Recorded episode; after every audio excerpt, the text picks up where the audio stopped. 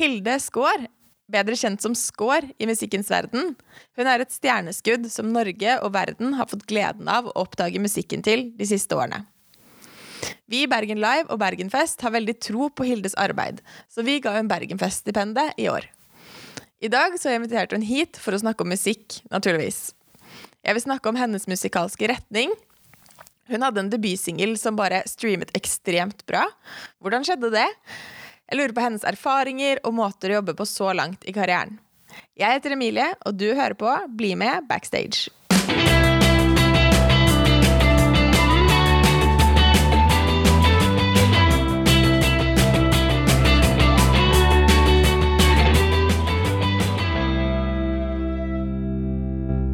Kjøre i gang, da, eller? Ja, gønn på. Gønn på. Eh, ja, hei, Hilde. Først og fremst. Hei. Jeg måtte Hei. bare ta en slurk. Ja. Velkommen til Bergen. Takk. Rett fra flyet. Digg å være i Bergen. Yes. Har du vært mye i Bergen? Ja, veldig masse. Det er jo eh, veldig nærme Stord, my hometown. Og så er, er det en plass som alle fra Stord reiser til mye fra barndommen av, for det er liksom kult å reise til byen. Og det er kulere å reise til Bergen enn til Haugesund. Uh, Syns folk fra Stord, da. Eh, så jeg har vært masse i Bergen på shopping og sånn. Er det en Eh, stolthetsgreie? Det er stolthetsgreie. Jeg vet ikke hva som er greia med det. Men den har bare Jeg føler det er litt sånn eh, kniving eh, i, det, liksom, i det områdene rundt Stord. Stord hater Bømlo, og Bømlo hater Stord, for eksempel. Litt sånn. Eh, og jeg tror det er liksom òg en sånn ah, Haugesund. Tullinger. Jeg vet, vet ikke hvorfor det er sånn, men Bergen er like med, på en måte. Ja. Så jeg har vært masse i Bergen. Og så skriver jeg veldig mye musikk i Bergen òg. Mm. Så da òg veldig nice. Så jeg er jo her ofte. Jeg føler jeg bor liksom 50% i Bergen og 50% i Oslo. Ja. Hvorfor bor du ikke her, da? Godt poeng. Eh, al altså, akkurat nå så bor jeg ikke her fordi jeg har flytta inn i verdens beste kollektiv. Eh, med han som spiller piano i bandet mitt, og eh, artisten Jon Olav. Eh, og det er bare verdens beste kollektiv. Vi har det så sjukt fint sammen. Så jeg vil bare holde på, på den stemninga så lenge som mulig. Og når da går i oppløsning Skjønner at det kommer til å skje en dag, liksom. en gang så kommer jo noen til å spread their wings and fly away. Eh, så da tenker jeg at da, da kanskje, kanskje det blir Bergen. Da, en gang. Ja. Eh, jeg har veldig lyst til å bli kjent med deg og din karriere. Um, kan det stemme at du ble oppdaget da du sto på en scene da du var sånn 14 år på Stord? ja, jeg vet ikke nå. Jeg føler ikke at jeg har fortrengt den tida, men jeg, det har vært så masse, masse håper jeg, oppdagings i den tid. Eller jeg har liksom ikke Jeg vet ikke helt lenger hva som gjorde at jeg kom i kontakt med hvem. Men, men eh, jeg spilte Altså, den historien jeg har i hvert fall lært meg sjøl å huske, eh, er at jeg eh, spilte to coverlåter eh, i garasjen til en fyr jeg ikke kjente så veldig godt. For han hadde sett meg spille på eh, ungdomsskolen. Eh, og så var han sånn YouTube er den nye tingen nå. Uh, Vi kan tjene millioner på at du spiller inn en video der. Vi har ikke satt oss inn i noe av hvordan det fungerte. fungert. Sånn, vi trenger ikke promotere det noe som helst. Det er bare sånn putta ut, and it will speak for itself. Sånn funker det jo ikke. Um, men jeg gjorde i hvert fall det. Og så på en måte skjedde jo det likevel, for jeg ble kontakta av min eh, daværende manager eh, fra Bergen. Og så begynte vi å jobbe sammen siden jeg var 14 år. Og så jobba vi sammen i sju år. Eh, og så har liksom ting på en måte spirala etter det. Og så Og nå er jeg her. Men du tok, det tok fire år, da. Du var 18 da du slapp første låt, eller? Eh, jeg, jeg var 17 når jeg slapp første låt der jeg var, eh, var med som feature. Um, og da hadde jeg ikke vært med og skrevet låten, så det var veldig sånn smooth, uh, smooth måte å komme inn i musikkbransjen. Bare liksom dyppe tåa ut i vannet litt. Um, og så slapp jeg min første låt som jeg har skrevet sjøl i 2018, tror jeg. Hvor gammel var jeg da? 19? 19 eller 20? Jeg tror det var 19. Ja, så da Var det liksom et valg du tok at det skulle ta noen år, eller er det bare sånn det fungerer? Um, jeg tror det tok mange år uh, Eller det er mange grunner til at det tok mange år. Uh, og det er vel mest bare fordi at ting, ting ofte går litt treigt når en ikke vet 100% hva en vil. Og jeg gikk fortsatt på skolen, så, så jeg var veldig sånn bestemt på at uh, vi skal ikke gønne på nå, fordi jeg vil bli ferdig. Jeg har ikke lyst til å satse på dette uten å på en måte ha en backup som er liksom vitnemålet mitt. Um, så det er vel kanskje da at jeg bodde på Stord, og, og det var viktig for meg at skolen kom på en måte først. Uh, og at vi bare liksom Jeg tror de fleste bare venta og så litt hvordan ting skulle utfolde seg, uh, som jeg er veldig glad for nå. Uh, når jeg tenker tilbake på hva, jeg tenkte da, så var jeg jo ekstremt utålmodig. Uh, og da er vel kanskje en av grunnene til at den første EP-en jeg slapp, heter The Other Side of Waiting. Det er liksom en av grunnene fordi jeg følte hele perioden fra jeg var 14 til jeg var, ble 20, var bare sånn Jeg venta bare på å få liksom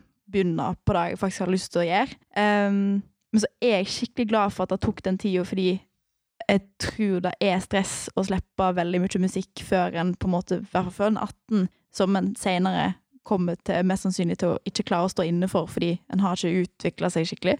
Um, så jeg er glad for at jeg venta, sjøl om det var liksom ergerlig på den tida. Men. Tenker du da på sånn ventet med tanke på tekstene man skrev? Eller? Ja, tekstene en skrev, for jeg, jeg skrev veldig mye musikk, så det var ikke sånn at jeg på en måte venta med å skrive. Men jeg, eh, jeg tror det handler liksom om å, å vente til en føler at nå er jeg på en måte på en god plass der jeg vet litt mer hvem jeg er, og, og hvem en er, endrer seg jo hele tida. Og det er vanskelig å på en måte sette sånne tre stikkord 'sånn er jeg'. Uh, men i hvert fall at en, at en føler seg mer klar for det, da. Uh, mer rusta til å faktisk uh, gå ut i den offentlige verden, på en måte. Så, og så er jeg òg glad for at tekstene mine og melodiene og alt var på en måte utvikla seg litt, at jeg hadde fått en del trening før jeg slapp noe. Sånn at selv om jeg ser tilbake og på en måte ikke er fornøyd med noe jeg har gitt ut noen gang, eh, så tror jeg det hadde vært verre hvis jeg hadde begynt da jeg var 14 år. Så er det en greie å ikke ja. være fornøyd med ting? Jeg tror folk er veldig forskjellige på det, men jeg tror òg at det er en eh, fellesnevner for en del artister og låtskrivere og produsenter eh, at en, en, aldri blir fornøyd. Fordi at eh, veldig ofte så er det på en måte et ideal en hører for seg i hodet sitt. Jeg er i hvert fall veldig sånn at jeg, jeg kan ha ideen til en låt eller et album eller øh, bare en trommelyd i hodet mitt, og så av og til er det bare helt umulig å få det akkurat sånn som du vil ha det. Eh, og, og da, da, blir det på en måte idealet, eller liksom Da chaser du på en måte den der eh, fantasien om at en dag skal jeg klare å få det til å høres ut akkurat sånn som jeg har tenkt i hodet mitt. Men jeg vet ikke om det er mulig engang. Um, og jeg tror på en måte at det, en burde bli flinkere til å liksom se tilbake på det og være sånn Men jeg var fornøyd med det da, eller eh, det var så bra som jeg hadde klart å gjøre det da. Eh, men jeg tror òg det er en fin ting å liksom hele tida ville bli bedre og tenke jeg har ikke skrevet min beste sang, fordi da kan en jo bare slutte hvis en ikke tror en kommer til å gjøre det bedre. Så jeg føler min drive er i hvert fall veldig på en måte basert på at jeg alltid føler at det, det kan bli bedre, da. Mm. Ja. Hvis ikke er det sikkert lett for å bli demotivert, eller bare sånn ja, men det blir alltid bra uansett. Ja, veldig. Da blir det jo sikkert ikke bra etter hvert. Nei, nei, nei, da tror jeg en slipper, slipper opp litt for mye. Så, mm. så har det liksom litt indre presset, tror jeg er, er sunt, sjøl om det er litt sånn altoppslukende og ete deg opp en bit om gangen òg. Ja. Har du et sånn valg som du har tatt i livet som du tenker at det valget gjorde at jeg er der jeg er i dag? Oi, det har ikke jeg tenkt på. Um, jeg tror på en måte det er en del valg, eller alle valg en tar, gjør jo at en kommer seg videre til der en er nå. Uh, så det er jo på en måte en del Altså sånn en, noen større valg i løpet av karrieren, eksempel, som, som jeg er veldig glad for at jeg har tatt. Um, som gjør at jeg på en måte føler meg veldig fornøyd med der jeg er nå. Um, men da valget i forhold til at jeg er her nå Jeg tror vel kanskje valget om å begynne på musikklinja er jeg veldig veldig glad for. Jeg hadde jo allerede bestemt meg for at jeg skulle drive med musikk for veldig mange år siden. Tror jeg bestemte meg for det på, i barnehagen. Um, men jeg begynte først på studiespesialisering på Stord. Uh, gikk der én måned. Måtte bytte, for jeg syntes det var så kjedelig. Jeg, jeg følte bare sånn all livs, livsgnisten min bare forsvant. For jeg hadde på en måte ingenting som, som, på en måte ga meg mer energi. da. Og jeg er veldig, sånn, jeg er veldig opptatt av å gjøre ting som gir deg energi, uh, fordi du liker å drive med det. Så hadde jeg en del venner som hadde begynt på musikklinja, uh, og var sånn Come over to the dark side. så da, så da eh, bestemte jeg meg til slutt for at selv om det er liksom Det er veldig tidkrevende og eh, ja, det, det er veldig det er en fulltidsjobb på en måte å gjøre det. Så bestemte jeg meg for å gjøre det, og skikkelig glad for det, for jeg utvikla meg veldig masse de tre åra. Eh, ble mye mer utadvendt, eh, flinkere på scenen, flinkere, altså lærte meg liksom piano og musikkteori. Eh, så den, det grunnleggende jeg lærte meg der, bruker jeg veldig mye nå, da. Så jeg er veldig glad for at jeg gjorde det. Tror jeg hadde vært på en helt annen plass hvis jeg ikke hadde gjort det. Men du sa det er veldig sånn altoppslukende, fordi det vet man jo med det livet, at sånn, det er en livsstil, liksom. Det er ikke bare åtte til fire. Ja.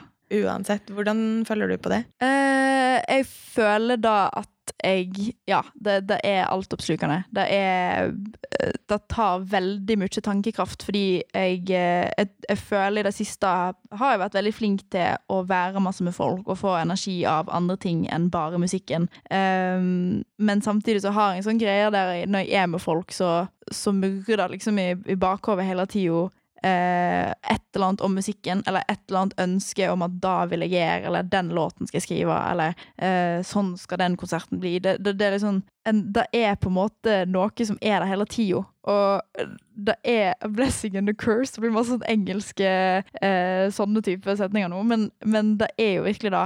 Eh, fordi at det er utrolig slitsomt eh, å gå rundt og tenke på det hele tida, og hjernen får på en måte aldri fred. Men det gjør jo òg at den da potensielt kan bli jævlig bra, på en måte. Så det, ja. ja er du sånn Sjukt. som skriver tekster på notater og spiller inn voice memo-type? Ja, hele tida. Mm. Eh, og jeg prøver å ikke, ikke, være Eller jeg blir jo veldig flau når jeg gjør det, så jeg prøver å gjøre det i skjul. Eh, men av og til så er jeg bare sånn Hvis jeg er på butikken og kommer på noe, så vet jeg at jeg kommer til å glemme det når jeg går ut, så da må jeg bare gjøre det der og da. Så da pleier jeg liksom å gjemme hodet litt, og så håper jeg at ingen ser meg. Fordi det er bare så, det er så typisk sånn musikkperson som skal stå der bare framfor alle. Det, det, er ikke helt det er, Jeg vil ikke framstå sånn, men men en må jo bare gjøre det. En må gjøre det som funker, og da funker. Mhm. Ja.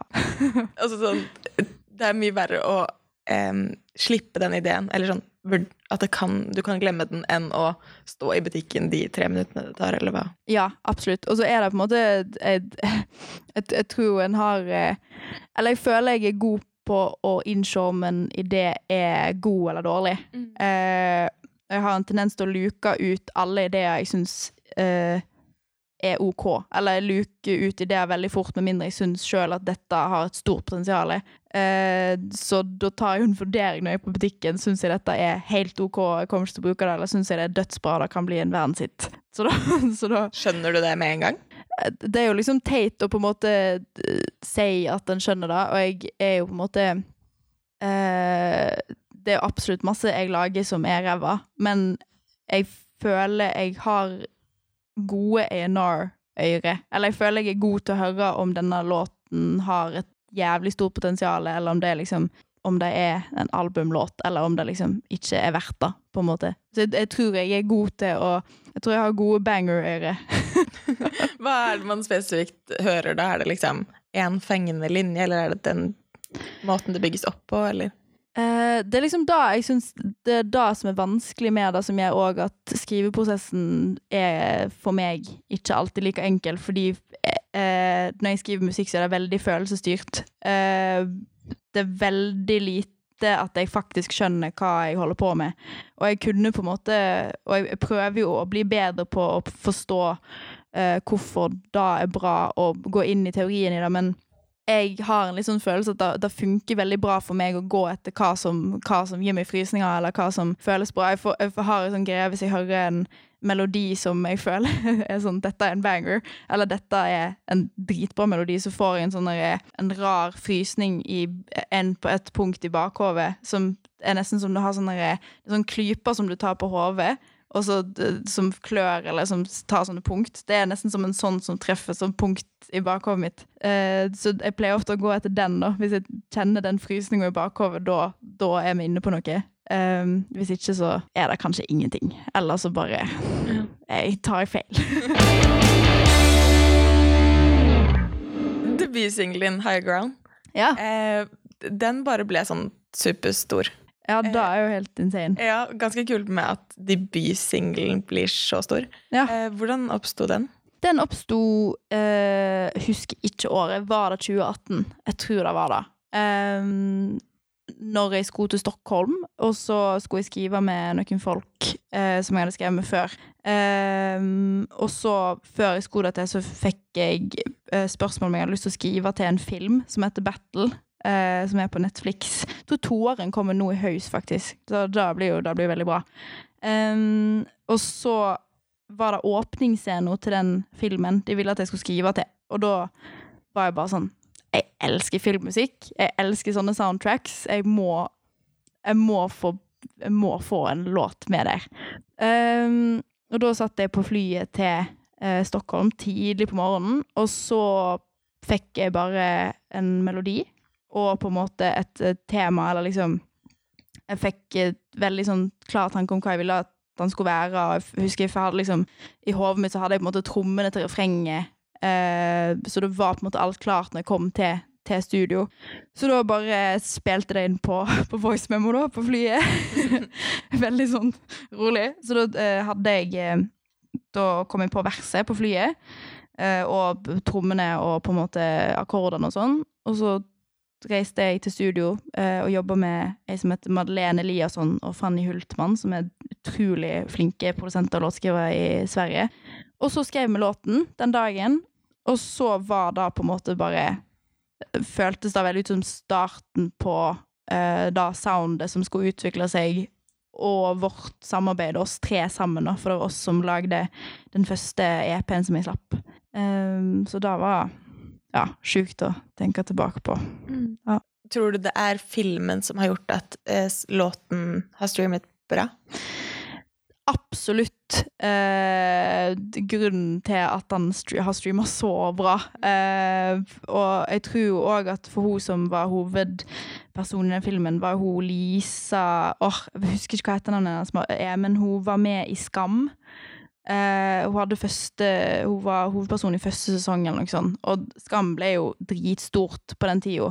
Og så kom den filmen sånn rett etter Skam var ferdig. Så jeg tror folk var ganske sånn utsulta på at de karakterene skulle komme fram igjen. Uh, så når den kom på Netflix, så, så var det jo en del folk som så den filmen fordi hun er jævlig kjent. Eh, og da passer det veldig godt å ha låten som starter hele filmen. Eh, da får jo de fleste som trykker på den filmen, den med seg. Så veldig glad for at den ble med der. Men jeg håper jo òg at han fikk så mange streams fordi folk genuint liker han. Ja, den har jo mange millioner streams. Ja. det er jo en grunn for at Jeg håper ikke de hører på han og hater han, liksom. Bare, men jeg må høre på han. Jeg kan bekrefte Jeg er helt sikker på at det ikke er tilfellet. Ja, det er godt å høre. Ja. hvordan endte det opp med at du fikk muligheten til å lage den filmmusikken i det hele tatt? Nei, du, det er plateselskapet som jeg er signert på, Warner Music Norway. Eh, og så er det en fyr. Eh, så er det en fyr. Eh, det er som heter Øyvind Gerken. Shout-out. Han er, jobber i synkavdelingen på Warner. Eh, utrolig flink. Og da synk er jo altså bare å få låter på, på filmer og reklamer og eh, serier og sånn. Eh, og så pleier det ofte når en skal få musikk og soundtracks til filmer og serier, så har eh, produksjonsselskapene ofte altså, avtaler liksom samarbeid med plateselskapene, og så får de pitcha musikk, eller så, så ser de fra om hva type musikk eller låt eller stemning de vil ha til den scenen eller den filmen. Eh, så da hadde han bare fått spørsmål om han kunne stille med noe musikk, og så hadde de veldig lyst til at jeg skulle teste det, fordi vi ville jo at jeg skulle på en måte få, få de mulighetene der. Så det var sånn det skjedde. Det er jo det er gøy å liksom høre hvordan det faktisk skjer, for når en ikke vet om det, så ser en jo bare film og serie og tenker ikke over hvordan det faktisk ble en del av det. Men det er jo en stor industri, akkurat det der.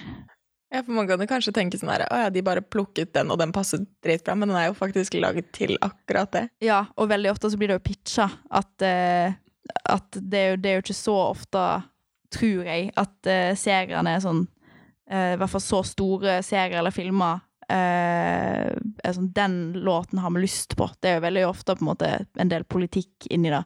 Og at en pitcher ting, eller får muligheten til å være med, eller Ja. Så det er jo Alt er politikk, eller hva. Skjønte du fort at du kunne begynne å dra på turneer og spille gigs og sånt etter du slapp den låten? Jeg vet ikke. Jeg, eh, jeg hadde jo veldig lyst det. Um, og det var jo det som Eller det er jo det som har vært målet hele veien, for jeg syns da å spille live er noe av det gøyeste i hele verden. Uh, og det er det jeg gleder meg til og føler at jeg er god på. Uh, så jeg vet ikke om på en måte jeg skjønte Eller at jeg tenkte at den låten gjorde at jeg kunne gjøre de tingene. Jeg tror det bare skjedde litt sånn av seg sjøl, på en måte. Eller, men, men, det kan jo godt være at det er den som gjorde at, at det begynte å skje litt ting. Jeg har bare ikke tenkt på det på den måten. Jeg er litt sånn jeg er litt dårlig til å få med meg eh, hva som faktisk skjer rundt meg i forhold til eh, musikken som blir streama eller kommer på radio. Eh, så jeg tror ofte egentlig at det går bedre enn jeg tror sjøl. Så ja, jeg aner egentlig ikke hvor mye ting Eller hvor mye folk hører på musikken min, eller om folk vet om det, eller Ja. Litt sånn lykkelig uviten. da jeg leste meg litt opp på deg før det her, ja. så eh, så jeg at du har spilt i Andesfjellene for sånn ja. 250 mennesker. Mm. Det høres helt sykt ut. Ja, da er jo faktisk uh, tilbake til The Higher Ground. Uh, da er jo en mulighet som jeg fikk på grunn av den låten der. Um, og da spilte jeg ikke bare i Andesfjellene. Uh, jeg spilte for kongen og dronninga og presidenten i Chile. Og det var jo helt uh, sjukt. Eh, ja. Jeg syns fortsatt det er rart å snakke om det, for det, det føles ut som en, en drøm. Det, det, var sånn, Vi var i Chile i to dager, og så reiste vi hjem igjen, på en måte. Så veldig rar tur. Ja. Utrolig weird. Men det var jo en opplevelse jeg aldri kommer til å glemme. Og jeg har jo reist veldig lite utenfor Norge. Jeg har vært veldig mye rundt omkring i Norge og har liksom hatt veldig masse norgesferier. Men jeg har aldri spilt utenfor Norge utenom den konserten i Chile. Oi. Så en veldig sånn det, surrealistisk måte å oppdage verden på. Mm. Men det var, det var gøy. Og du rekker jo ikke å oppdage så mye hvis du bare var der i to dager heller? Nei, det var jo uh, byen uh, Santiago som uh, lå under et lokk med eksos. Så når vi var i Andesfjellene òg, så så vi veldig lite av byen òg. Så det var jo på en måte Vi fikk oppdaga veldig lite der så et kjøpesenter, var på en eller annen sånn KFC eller noe sånt. Da var på en måte det eksotiske måltidet.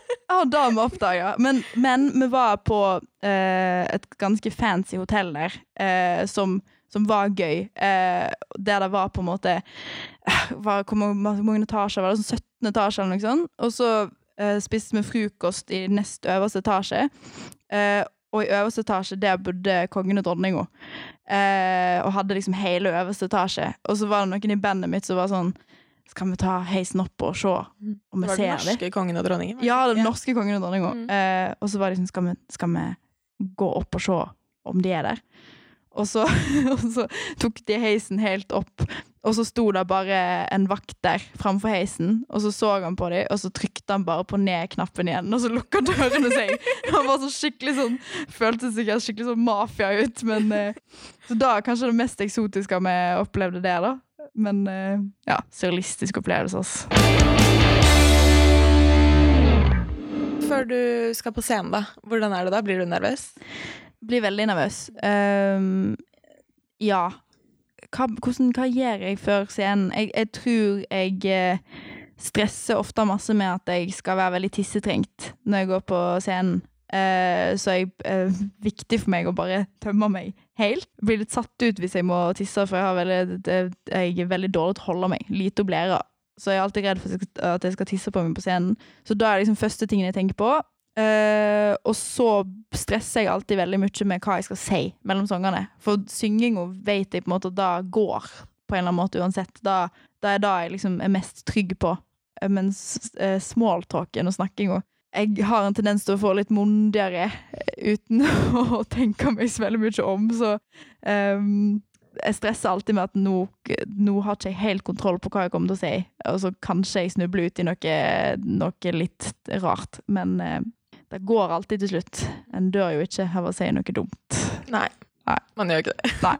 Men er det typ sånn mm, Jeg føler fylleangst er et sånt ord som man kan bruke på sånne type ting, hvis det ga mening. Ja. Sånn fordi man mis... Eller man er i et eller annet modus, og Ja. så går man av, og så skjønner man ikke helt sånn Skjedde dette, eller skjedde det ikke? Ja, ja, ja. Har du følt på det? Ja, veldig. Jeg, Uten at man er full, liksom? Man bare Ja, ja, ja. For en, får, en noier jo litt over hva en gjør, for, og det er på samme måte som uh, når en blir full, fordi det er bare En, en føler en ikke har helt kontroll på seg sjøl i øyeblikket, fordi det, det, det skal skje nå. Eh, akkurat her og nå, og du, du kan ikke tenke deg om, på en måte. Eh, og forrige konsert jeg spilte, da hadde jeg veldig da, Det var første konserten vi spilte, har spilt noen gang der vi spilte 60 minutter. Og jeg kjente veldig mye på nerve. Det var skummelt. Det var så masse folk plutselig. Ehm, og så begynte jeg å hylgrine på en eh, låt som var veldig trist. Uh, og, og så da satte jeg meg litt for mye inn i låten, for av og til så hvis jeg på en måte går altfor mye inn i låten, da, da, blir jeg, da blir det for emosjonelt. Så jeg prøver liksom å ha en liten vegg oppe eh, på konsertene, men da klarte jeg ikke det. Og da begynte jeg bare å, å grine hele andre verset. Så prøvde jeg å komme meg inn i Prøvde liksom bare sånn noen tapre forsøk på å komme meg inn igjen, og så ble det bare sånn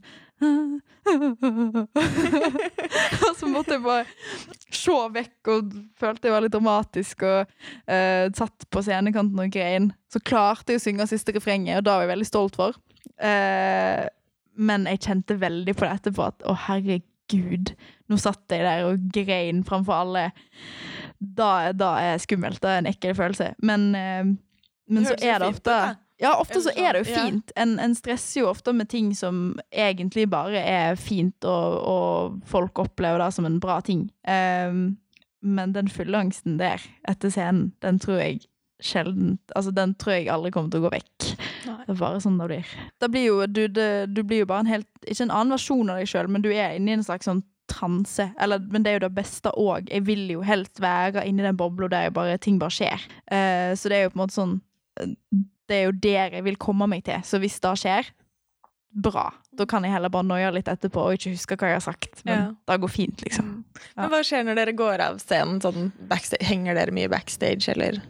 Ja, nå er det jo på en måte Vi har hatt så lite konserter sammenhengende. Det har vært sånn, sånn altså, som oftest bare én måned mellom, eller nå i korona så har det vært veldig lite konserter. Så når vi først har konsert i lag, så er det på en måte første gang vi ser hverandre som band på veldig lenge. Så da er det veldig kjekt å bare henge sammen, og da planlegger vi at sånn, vi skal gjøre det. Vi skal, vi skal sitte og gjøre det, drikke pils etterpå, liksom. Eh, så da tror jeg kommer til å forandre seg når det blir mer og mer sånn kontinuerlig eh, dag etter dag. Men, eh, men nå er det kjekt å ha den greia med at det føles ut som fritid, og at vi får den, de opplevelsene sammen. Hvis vi skal gå litt mer på, på måte deg som person, føler du at du er den samme som artisten deg, hvis du skjønner?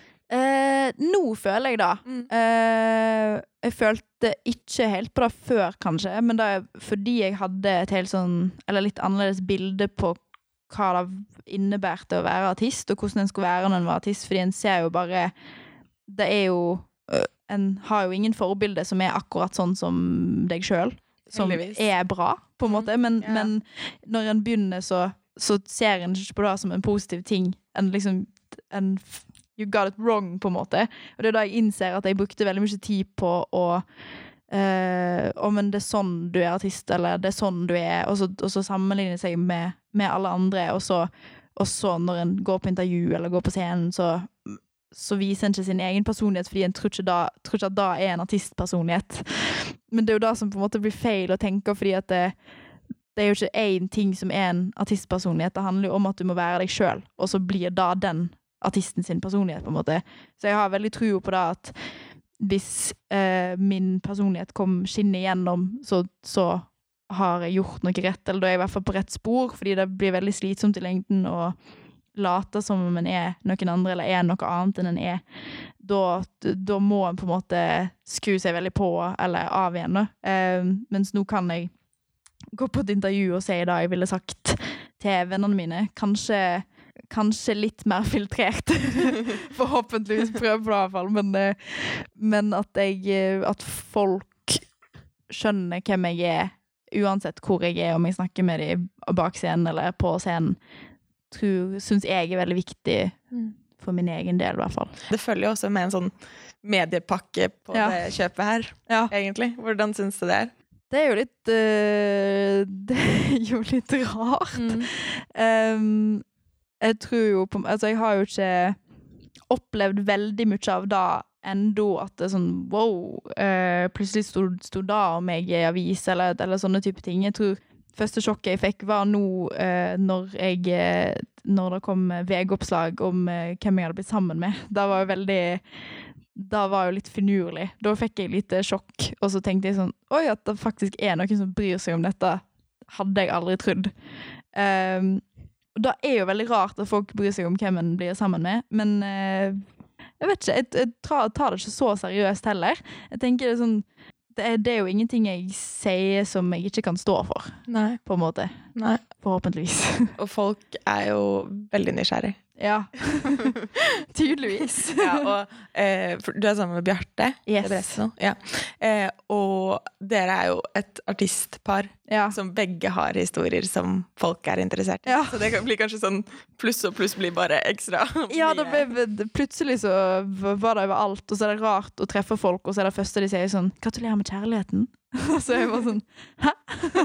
Å ja, du har sett da, ja? Ja, OK. Hyggelig. Mm. Men det er jo eh, Det er hyggelig. Jeg tar, det ikke så eh, seriøst. Det er, det, det er, det er gøy. Mm. Det er en du hyggelig s- nyhet. Du sa, ja, ja, det er kjempehyggelig. og veldig naturlig. Men ikke, du sa det bare sånn tilfeldig i en podkast, var det ikke sånn? Ja, og Ja. da er jo igjen den greia om at jeg eh, Jeg tar ikke livet mitt så høytidelig at jeg føler det er vits å holde noe hemmelig. Jeg Ja. føler liksom sånn Nei, jeg vil ikke si hvem jeg, hvem jeg er sammen med, eller hvordan det går med kjærligheten. For, for meg så er ikke det så privat, Nei. egentlig. Eller det, det er bare Det er sånn jeg er, og det jeg driver med. Så Mm. jeg sa det bare helt, helt uh, casual, og så plutselig så, så ble det litt, litt større enn jeg hadde tenkt. Ja. Men det er jo bare sånn det er. Mm. Men gikk du hjem fra den innspillingen, og så eh, sa du fra til han sånn Du, jeg meldte det her i dag, liksom? Eller bare åpnet du VG, og så var det sånn Hva skjer her nå? Vi hadde snakka om det på forhånd, eh, og da var det Vi ble enige om ganske fort begge to sånn Hvorfor, hvorfor skal vi liksom late som om det er så hemmelig? Da blir det jo enda større enn en tenker at det er. Ja, ja. Uh, det er jo ikke Altså, det er jo ikke en big deal, på en måte. Uh, så da var det jo bare sånn Jeg kom til å få spørsmål om kjærligheten uansett, og da er det enklere å bare si det. Mm. Det, det tar mer energi å lyge eller holde ting hemmelig. Ja. Så ja. Mm.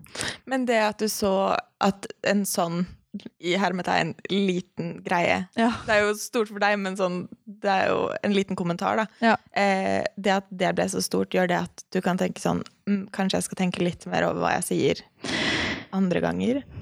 Egentlig ikke. Eh, jeg fikk jo på en måte litt sjokk den dagen, eh, og så var jeg sånn Oi, hva, er, det, er, det, er det kleint at det ble sånn? Men så innser jeg jo da at eh, jeg, jeg, vet, jeg vet ikke, jeg tror eh, Jeg vil heller at det skal komme noen sånne saker i ny og ne av ting jeg har sagt, eh, enn at jeg skal liksom pine meg sjøl gjennom å eh, vege ordene mine hele tida. Eh, da tror jeg det er få som kommer til å interessere seg noe særlig i meg og min musikk uansett, hvis jeg ikke klarer å være ekte, på en måte.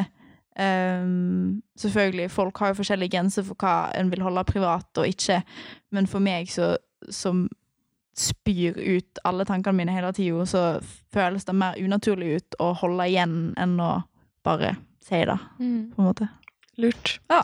Stole på at folk eh, liksom velger ja, Eller har litt respekt for andres privatliv også, når man Ja, og så er vi jo blest til å bo i Norge. Det er jo veldig lite folk eh, Folk legger seg ikke så veldig mye opp i andre sitt eh, privatliv, sånn egentlig. Så en kan jo egentlig bare gønne litt på. Og så tenker jeg òg at uh, jeg vil heller at folk skal bli skikkelig sur på meg for noe jeg, jeg har sagt, uh, enn at folk bare ikke skal bry seg om ting. Så, Mm. for jeg tror, jeg tror det er bra at folk bare sier ting som de er. Ja. Jeg har lyst til å gå over og snakke litt om Bergenfest-stipendet med deg. Ja. Ja. Um, fordi du fikk det i år. Ja! Gratulerer. Takk. kjente du til Bergenfest-stipendet fra før? Uh, jeg kjente til det litt, for jeg så jeg, jeg tror det var i fjor så var det veldig masse flinke artister som fikk det. Så jeg Hedda May og var det Jens og litt, eh, litt eh, sånne folk. Kamara? Nei. Ja, hun har fått det tidligere. Ja. Mm. Bare masse bra artister som fikk det, så da, det er siden da jeg har visst om det. Men overraskende at jeg fikk det nå. Ja. Utrolig kult. Mm. Fordi du fikk jo et talentstipend. Ja. Som er, eh, det finnes jo et sånn utviklingsstipend på Ja. 25 000, og så er det et talentstipend. Så det betyr at vi føler at du er ganske godt på vei. Det er veldig hyggelig, da. Mm. Eller det føler vi jo med alle, men sånn ekstra sånn satsingsstipend. da. Um, så vi syns at du fortjente det. Takk. Um, har du tenkt noe på hva du skal bruke de pengene på? Jeg har ikke tenkt så mye på det ennå. Jeg prøver å ikke tenke for mye på penger. Jeg, jeg blir bare stressa av det. Uh, jeg er veldig dårlig på økonomi. Men eh, jeg tenker i hvert fall å investere det i live. eh, for da er jo på en måte det eh, som er vårt satsing, satsingsområde nå framover. Selvfølgelig lage ny musikk òg, men eh, å få turnere mer. Eh, har jo vel, jeg lurer litt på om en skal kjøpe utstyr, eller om en skal bare investere i en større, større turné generelt. Men da får en se litt på sikt. Men uten tvil eh, live-segmentet, da. For en vil jo at det bare skal bli bedre og bedre. At folk skal få en god opplevelse når de kommer på konsert. Mm. Eh, I forrige sesong av denne podkasten så var det jo noen eh, Eller gjestene som var her, de hjalp meg med å samle inn penger til Bergenfestipendet. Ja. Eh, og jeg tenker at så Du virker veldig positiv til å få det, eh, og har Ja. sikkert også lyst til at andre skal kunne få det ja, stipendet. gjerne. Så jeg lurer på om du kan hjelpe meg med å samle inn litt penger? Hvis jeg utfordrer deg til å ringe en venn, eh, synge en linje av en låt, den du måtte ønske, til denne vennen, men ikke liksom ut eh, Ikke si noe ord før den tid. Oi! Um, bare ring, eh, syng, og så hvis vennen din svarer, da går det 1000 kroner til stipendet. Altså svarer okay. man og fortsetter sangen. Jeg kan prøve. Jeg har venner som er litt dårlige til å ta telefonen. Ja. Men jeg skal Å, shit! Jeg aner ikke om de kommer til å ta det. Men jeg skal, jeg skal prøve. ja. Å, OK. Og nå skal jeg uh... Ok, Hvem er det du skal ringe, og hva skal du synge? Jeg skal prøve først å synge beste, uh, ringe til bestevenninna mi Andrea. Um, Å, shit! Jeg håper hun svarer, for jeg vet hva låt jeg skal, eh, skal synge. Jeg skal synge en låt som heter 'Summer Nights' av uh, Rascal Flats.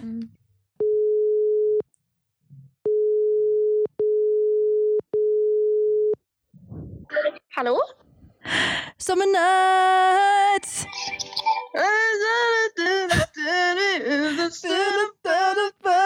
It's a paradise! ja!